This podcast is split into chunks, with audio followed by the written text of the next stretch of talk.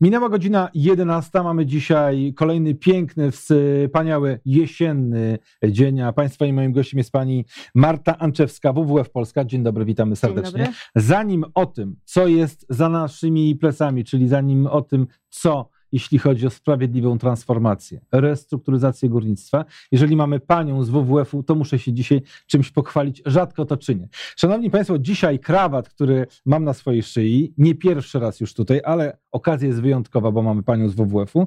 To jest krawat, pani Marto, e, który nazywa się Żołnierz Wojtek. To jest specjalny target, który został przez Szkotów zrobiony na cześć naszego żołnierza Wojtka, który w Edynburgu później y, żył. I te kolory właśnie są związane z naszym żołnierzem Wojtkiem. I jest zieleń, i jest czerwień, jest niebieski, jest beżowy, więc, więc jest i biały, i czerwony, czyli nasze barwy narodowe. No ale tak właśnie Szkoci chcieli uhonorować żołnierza Wojtka, naszego wspaniałego niedźwiedzia, który z armią generała Andersa przemierzył tysiące kilometrów, więc na początek tak chciałem przyrodniczo y, powiedzieć o tym, że żołnierz Wojtek y, jest y, z nami w jakimś oczywiście sensie. Ten krawat dostałem od polskiego kombatanta, którego serdecznie pozdrawiam w Edynburgu. Ale teraz już tyle o krawacie, o, o Wojtku i powiedzmy o sprawiedliwej transformacji, bo to jest gigantyczne wyzwanie, przed którym staje Polska. Ale zanim o Polsce, to powiedzmy o tym, jak się inne transformacje udały w krajach, które zaczęły rezygnować w którymś momencie z węgla, czy, jest, czy są to Niemcy, czy jest to Wielka Brytania i czy faktycznie ich transformacja możemy powiedzieć, że była sprawiedliwa? Ja zawsze na początek zaczynam od definicji. Mhm. Mm, sprawiedliwa transformacja to jest taki proces y, transformacji czy zmiany strukturalnej w regionach węglowych w Europie, który jest przeprowadzany w sposób zarządzany, planowany prowadzi do tego, że ludzie, którzy stracą pracę w wyniku zmiany, zaniku tej branży, czy likwidacji tej branży, e, będą mieli inną ofertę mhm. alternatywnej pracy, równie dobrej, równie dobrze płatnej, a także będą mieli zapewnione bezpieczeństwo socjalne. I to jest e, wyzwanie, z którym będziemy zmagać się teraz w Polsce, w kilku regionach. Mamy kilka regionów węglowych. I to jest wyzwanie, z którym zmaga się cała Europa, która ma około 40 regionów węglowych. W części z nich już nie wydobywa się węgla, to są tak zwane stare transformacje. Tutaj możemy powiedzieć o Zagłębiu Rury, o północnej Francji, Nord-Pas-de-Calais. Teraz, teraz ten, ten region co prawda ma jakąś inną administracyjną mhm. nazwę, nie pamiętam jeszcze jaką. E, no ale są regiony, które są dopiero na początku tej drogi. I wśród nich jest też na przykład Górny Śląsk e, bądź e, nasza Wielkopolska, wschodnia Wielkopolska. Mhm jak patrzymy sobie na te stare historie, te transformacje, które już się zakończyły, to możemy wyciągnąć z nich pewne wnioski, natomiast to nie będą wnioski, które jeden do jednego będzie można przenieść na te transformacje współczesne. Chociażby dlatego, że zmieniły się już mm, uwarunkowania rynkowe. E, ten proces też przyspiesza ze względu na politykę klimatyczną. Na przykład w Nord-Pas-de-Calais e, zamknięto kopalnie głównie ze względów ekonomicznych. Mhm. Zrobiono to w latach 70. Ten proces trwał grubo ponad 20 lat. My nie mamy już tyle czasu, to, to będzie działo się teraz dużo szybciej. E, w Zagłębie Rury z kolei to jest taka historia o gigantycznej pomocy państwa. Tam były przeznaczone mhm. bardzo duże środki, ale stamtąd na przykład możemy nauczyć się, jak y, zarządzać tym procesem, bo tam są bardzo dobre przykłady współpracy E, z samorządu, z, mm, z rządem krajowym, z też aktorami lokalnymi, także z, ze spółkami węglowymi, mhm. a tam konkretnie były to kombinaty, no bo to były też e, huty i e, inne e, przemysłowe zakłady. I tam rzeczywiście odbyło się to w sposób bardzo planowy, bardzo taki e, mm, włączający społeczeństwo. Kombinat wziął na siebie dosyć dużą odpowiedzialność i zaoferował pracownikom przesunięcia w ramach zakładu, także w inny, do innych części kraju. Natomiast ponieważ robiono to od początku w bardzo jasny, transparentny sposób, pracownicy wiedzieli, jaka jest ich przyszłość, mieli czas na zastanowienie się nad tą ofertą, mieli opcję, mogli się mhm. zgodzić i zostać w swoim zawodzie, ale na przykład w innym regionie, albo nie, i wtedy dostawali a, jakieś pomostowe pomostową pomoc do czasu, aż znajdą nowe zatrudnienie. Więc tutaj chociażby ten proces zarządzania jest czymś, z czego możemy skorzystać. W Polsce mieliśmy reformę rządu Jerzego Buzka, w tym jedną znaczącą, czyli restrukturyzację sektora górniczego. Wicepremier Janusz Steinhoff. Cztery lata, 100 tysięcy ludzi dobrowolnie odchodzi z górnictwa, 23 kopalnie są zamykane. Wielki dorobek i wydawać by się mogło, że ta reforma, jak patrzymy po latach, oczywiście ona jest kluczowa, tylko że następcy Jerzego Buzka już nie do końca tak chcieli to y, y, kontynuować, chociaż Jacek Piechota, jego następca w Ministerstwie Gospodarki.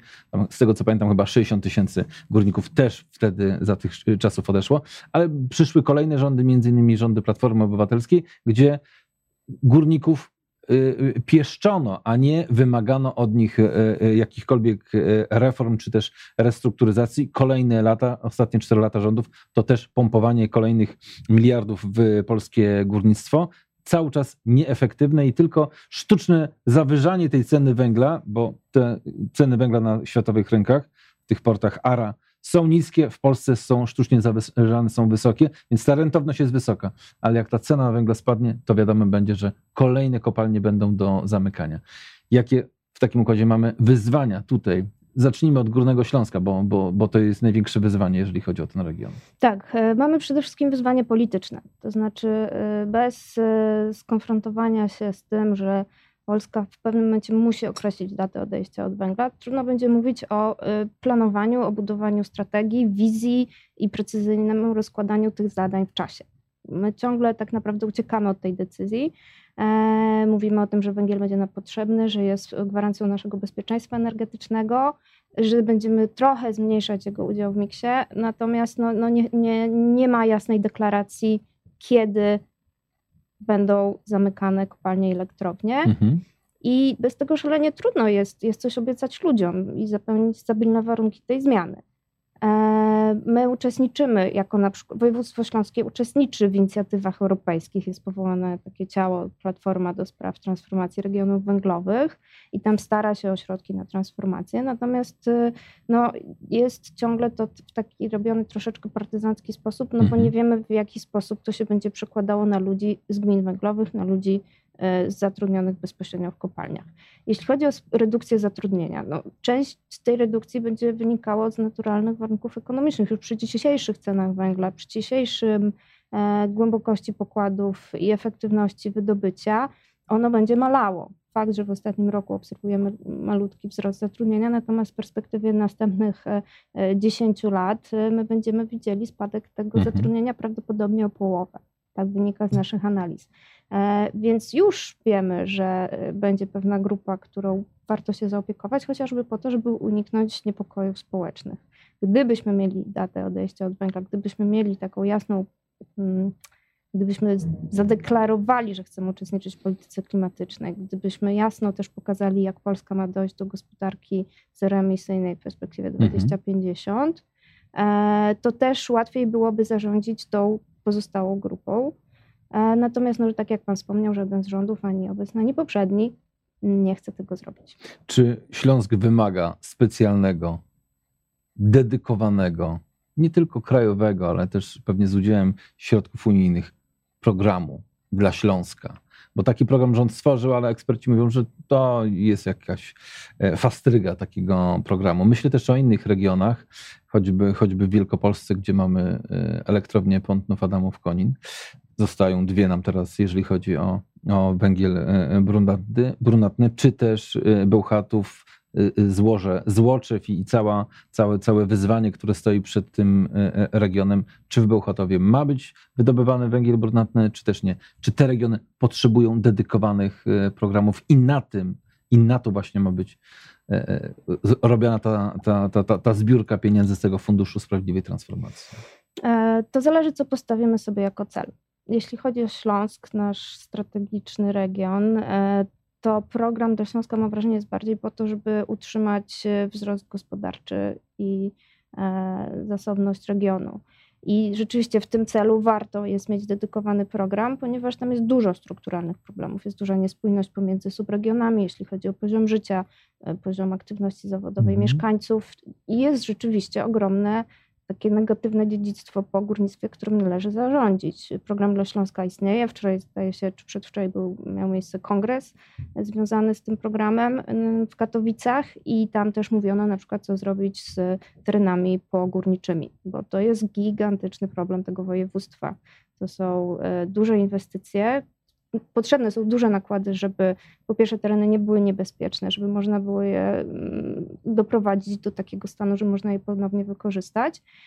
Często na przeszkodzie stoi na przykład też prawo własności, więc tam jest dużo, dużo problemów do zadresowania. Więc tak, uważam, że program dla Śląska powinien być, natomiast w dzisiejszej e, kształcie on w ogóle nie adresuje problemu sprawiedliwej transformacji. Więc gdybym ja miała podjąć decyzję na ten temat, czy komukolwiek coś rekomendować, to sugerowałabym, żeby zrobić e, dedykowane problemy, programy sprawiedliwej transformacji górnictwa mhm. we wszystkich tych regionach w Polsce, które tego wymagają. I zupełnie inne środki i rozwiązania będą w Wielkopolsce, gdzie już dzisiaj mówi się o tym, żeby szybko przekształcić e, te mm, zasoby zepaku też w produkcję energii ze źródeł odnawialnych i to jest możliwe. Mhm.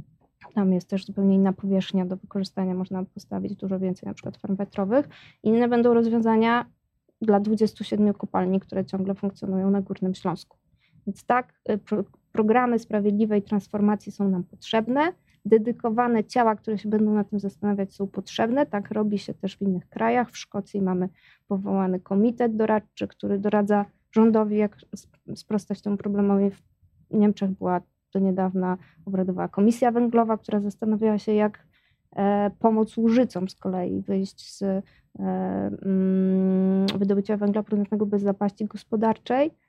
E, no nam, my to ciągle jeszcze tego nie mamy. No więc właśnie, bo jak tak spojrzymy na Śląsk, to z jednej strony trzeba mieć na uwadze Dolny Śląski problem Wałbrzycha, który, który, gdzie widać duże problemy do dzisiaj, tak? I jeżeli chodzi o, o ucieczkę, depopulację, ucieczkę mieszkańców z tamtego regionu, jeżeli chodzi o rozwój gospodarczy i, i potencjał gospodarczy tego regionu i biedę, a z drugiej strony też y, Górny Śląsk e, i e, tysiące górników, 60 tysięcy górników zatrudnionych pod ziemią, i my byliśmy w Warszawie, my, czyli dziennikarze, czy, czy, czy, czy, czy media, czy, czy powiedzmy tak zwana e, Warszawa, była utrzymywana w takim strachu, bo to górnicy przed laty grozili, że najadą na Warszawę, kiedy cokolwiek będzie się chciało zmieniać na Śląsku. Tymczasem na Śląsku mniej niż 2% bezrobocia. Przypomnę, że w kraju mamy 5% bezrobocie, 1,7% w Katowicach, w Bytomiu na przykład już 10%, no ale generalnie w, w aglomeracji śląskiej niskie bezrobocie. Górnik, który rezygnuje z pracy pod ziemią, czy z pracy na kopalni, jest dobrem, które rynek od razu wchłania, czyli dla tych ludzi jest praca, dla tych y, ich kompetencje, ich etos pracy jest bardzo doceniany i poszukiwany, bo brakuje rąk do pracy. Pewny, nie jesteśmy jeszcze na tym etapie robotyzacji, żeby maszyny mogły przyjąć pracę y, człowieka. No tylko pytanie, jak to wszystko pożenić? Z jednej strony odchodzić od węgla, z drugiej strony zapewnić tym osobom to, co pani mówi, czyli tą sprawiedliwą transformację, żeby osoba, która pracowała na kopalni, mogła znaleźć zatrudnienie za podobne wynagrodzenie w innych E, e, w innym miejscu, bezpiecznym miejscu, niezagrożonym wybuchem, tąpnięciem metanem, tylko bezpiecznej pracy i też takiej pracy, która, która da, jak rozumiem, nie tylko satysfakcję finansową, ale też satysfakcję taką zawodową. Tak, no, myślę, że na czasami najprostsze odpowiedzi są najlepsze.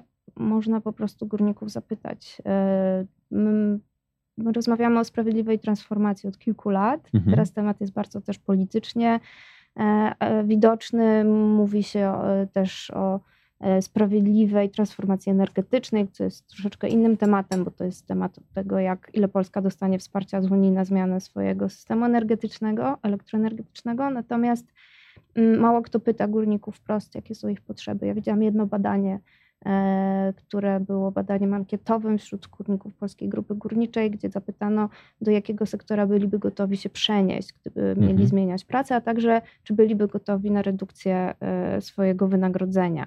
I gdyby podjęto taki dialog i zaproszono do stołu nie tylko najważniejsze związki zawodowe, których trochę racją bytu jest utrzymywanie status quo, ale też e, przedstawicieli górników i przedstawicieli samorządów, którzy na koniec dnia też są obciążeni kosztami tego, mhm. że kopalnia jest bądź jej nie ma, bądź pozostawia po sobie szkody górnicze.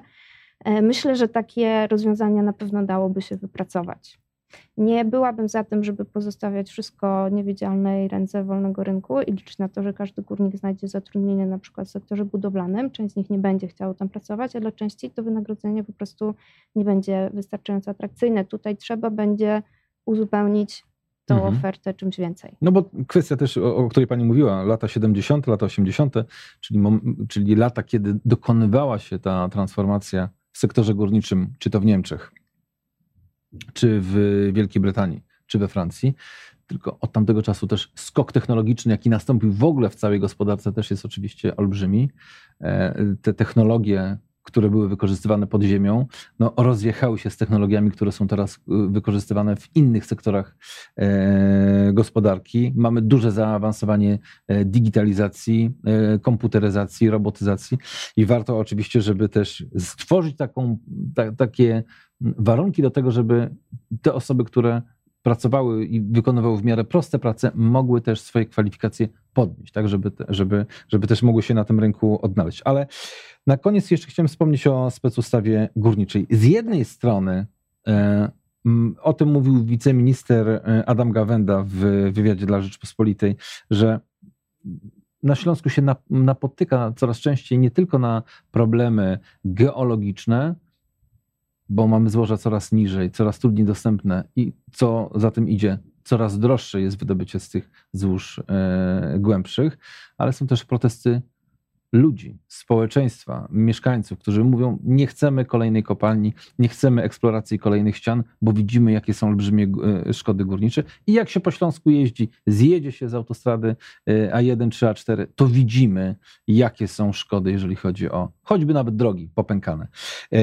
Pytanie, co specustawa, która jest przygotowywana, zmieni na, na, na Śląsku i w jaki sposób też uderzy w lokalne społeczności. Tak, mowa o z, zmianie ustawy prawo geologiczne i górnicze oraz ustawy o udostępnianiu informacji o środowisku i jego ochronie. To jest ten projekt. Jest to projekt poselski złożony przez posłów e, Prawa i Sprawiedliwości. E, I to jest e, projekt, który zmieni mm, tak naprawdę życie wszystkich, może zmienić życie wszystkich mieszkańców i samorządów położonych na terenach górniczych. Czy to mhm. chodzi o węgiel brunatny czy kamienny, bo to o te dwa rodzaje paliwa chodzi e, tutaj. E, no i muszę powiedzieć, że my jesteśmy bardzo zaniepokojeni tym projektem i wielkie zaniepokojenie wyrażają też samorządy, bo mhm fundamentalną zmianą, jaką wprowadza e, ten projekt, jest e, pozbawienie samorządów decyzyjności w procesie przyznawania koncesji dla e, wybranych, wybranych złóż. Mhm. Jeśli ten projekt zostanie uchwalony, proces będzie wyglądał w ten sposób, że to rząd, Rada Ministrów będzie decydowała o tym, gdzie znajdują się złoża o strategicznym znaczeniu i będzie arbitralnie ustawiać, które to są a później e, minister środowiska będzie też wyznaczał tereny, na których e, może być przyznana koncesja bądź nie. Potem oczywiście nastąpi normalna procedura przyznawania koncesji, natomiast e, to, że teren już jest wyznaczony wcześniej, to będzie bardzo uderzało w tą procedurę, bo nie będzie na przykład tak zwanej analizy wariantowej porównania z inną mhm. lokalizacją. Mhm. Więc to już jest pierwszy punkt, który bardzo osłabia prawo środowiskowe. E, so, mamy też analizę, które mówią, że ona jest po prostu niezgodna z konstytucją, bo odbiera samorządom ich konstytucyjne prawo do ustalania ładu przestrzennego na ich terenie. Mhm. Samorządy mogą e, opiniować tę ustawę, natomiast ta ich opinia nie musi być, być brana pod uwagę. To jest gigantyczna zmiana. Do dzisiaj tak naprawdę to lokalne akty prawa decydują o tym, jak będzie zagospodarowana przestrzeń. Teraz będzie decydował o tym tak naprawdę rząd i minister środowiska. Chyba gdzieś już żeśmy to przerabiali, tak mi się wydaje. Tak, ja tylko tutaj sobie wypisałam, kto, kto protestuje przeciwko mhm. tej ustawie, bo jest to bardzo pilna sprawa. Y, wczoraj y, ogłoszono, że Komisja Środowiska zajmie się tym 14 października wieczorem i mhm. widzimy, że bardzo wiele i samorządów, i mieszkańców po prostu zbierających podpisy pod, pod listami do ministra, mhm. do premiera, czy do samych członków komisji, e, mobilizuje się w tej chwili, e, są to mieszkańcy Rybnika, Imielina, Studzienic, Jankowic, e, gmina Kobiór, to są wszystko gminy położone w mhm. województwie śląskim, ale też południowa Wielkopolska, Lubuskie, Związek Powiatów Polskich wysłał bardzo krytyczną opinię mhm. wobec tej ustawy i wręcz dwóch posłów, którzy najpierw byli, podpisali się pod nią, wycofało swój podpis, więc widzimy, że sprawa jest bardzo E, kontrowersyjna. E, no, też sposób procedowania jest, budzi podejrzenia, bo jest to ścieżka poselska, wyłącza tak naprawdę konsultacje mhm. E, społeczne. Gdyby one były możliwe, wtedy prawdopodobnie ci mieszkańcy czy, czy samorządy czy NGOsy miałyby szansę wypowiedzieć swoje zdanie, teraz go, go nie mają. No i tak naprawdę stawia, stawia mm, rząd inwestorów w uprzywilejowanej pozycji w stosunku do samorządu, więc y, no, jest to bardzo y, niepokojące, szczególnie, że tak jak mówiłam, z jednej strony mówimy sobie o sprawiedliwej transformacji, jak to zrobić dobrze, jak to zrobić z udziałem mieszkańców, jak skonsultować z nimi te zmiany, a z drugiej strony widzimy e, przed dniu wyborów e, i odroczonego posiedzenia Sejmu taki projekt, e, który wyłącza mieszkańców, wyłącza gminy z decyzji. Będziemy przyglądać się specustawie górniczej, prawu geologicznemu. Bardzo dziękuję za wizytę w studiu i bardzo dziękuję za rozmowę. Pani dziękuję. Marta Anczewska, specjalistka do spraw energii i klimatu WWF Polska. Bardzo dziękuję za wizytę w studiu, bardzo dziękuję za rozmowę. I to wszystko dzisiaj w programie Rzecz o biznesie. O godzinie 12 program Prosto z parkietu, a o 13 Rzecz o prawie. Michał Niewiadomski, dziękuję i do zobaczenia.